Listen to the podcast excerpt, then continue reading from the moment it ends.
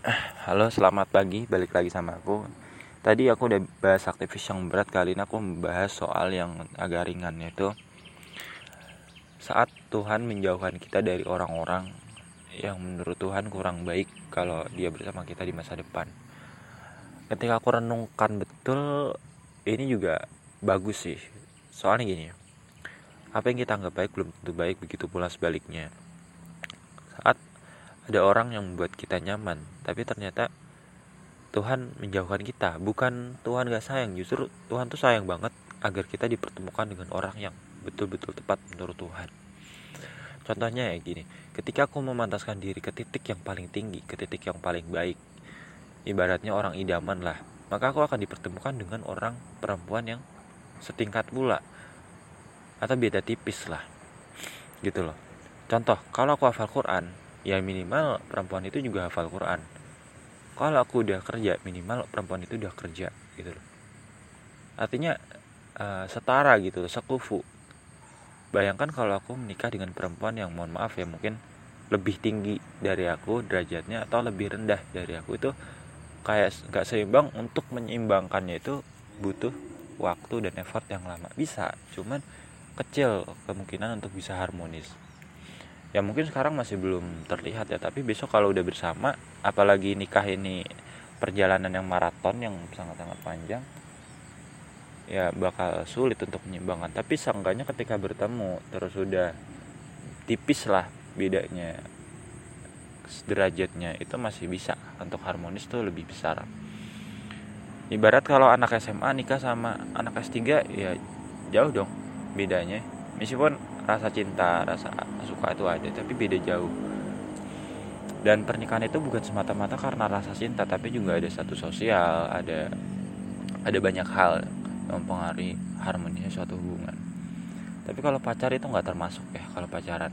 Pacaran mah itu suatu hal yang sebenarnya nggak bagus untuk dilakukan kalau sebelum nikah. Soalnya itu ambigu banget sangat-sangat ambigu. Ada orang miskin pacaran sama orang kaya hanya karena rasa suka ada yang kayak gitu. Tapi aku bahas yang serius ya yaitu tentang pernikahan. Pernikahan itu bukan hal yang main-main. Sejatinya bukan main-main. Ada sih orang yang menggunakan pernikahan sebagai ajang main-main. Ada yang langsung bercerai ada yang tapi ada juga yang harmonis. Aku pikir kita bisa belajar dari orang-orang yang pernikahannya harmonis yang stabil sekalipun ada masalah mereka bisa hadapi bersama-sama. Cara untuk memiliki pernikahan seperti itu ya kita harus hati-hati dalam memilih pasangan. Dan aku juga sedang belajar gitu. Sampai sekarang jujur ya aku belum menemukan satu perempuan pun yang cocok yang setara denganku. Tapi untuk menjaga hati perempuan.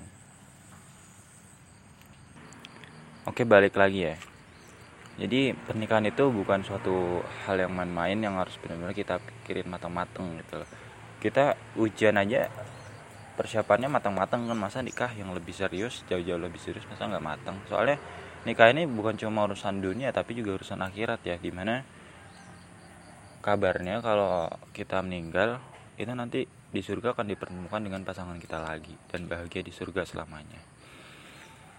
Mau nggak hubungan yang begitu tadi aku bilang bahwa aku menjaga hati perempuan yang udah hadir dalam hidupku. Jujur emang mereka sebenarnya bukan tipeku. Mereka masih jauh dari harapanku. Dan gimana ya? Tapi overall mereka tetap baik. Mereka perempuan yang baik ya mungkin emang belum jodohnya gitu belum takdirnya untuk bisa bersama denganku. Kalaupun gitu aku juga cuman apa ya manusia biasa gitu loh yang perlu banyak belajar barangkali emang aku masih jauh dari kepantasan kelayakan seorang yang baik. Aku merasa belum baik banget kok aku masih bodoh aku masih jahat. Aku perlu belajar dengan caraku sendiri supaya ke arah yang lebih baik. Seiring berjalannya aku memantaskan diri Tuhan juga sedang melindungi perempuan yang akan jadi jodohku suatu saat. Aku yakin. Akan ada. Dari sekian banyak perempuan baik pasti ada satu nih yang yang benar-benar cocok denganku. Yang benar-benar mau gitu loh. Jadi aku nggak pernah putus asa untuk berjuang aku nggak pernah menyerah untuk berjuang. Aku selalu berusaha membuka hati barangkali di masa depan akan ada perempuan yang mau menerima apa adanya dan setara denganku ketika aku punya ambisi punya impian dia selalu mendukung gitu dan dan nyaman bahagia gitu loh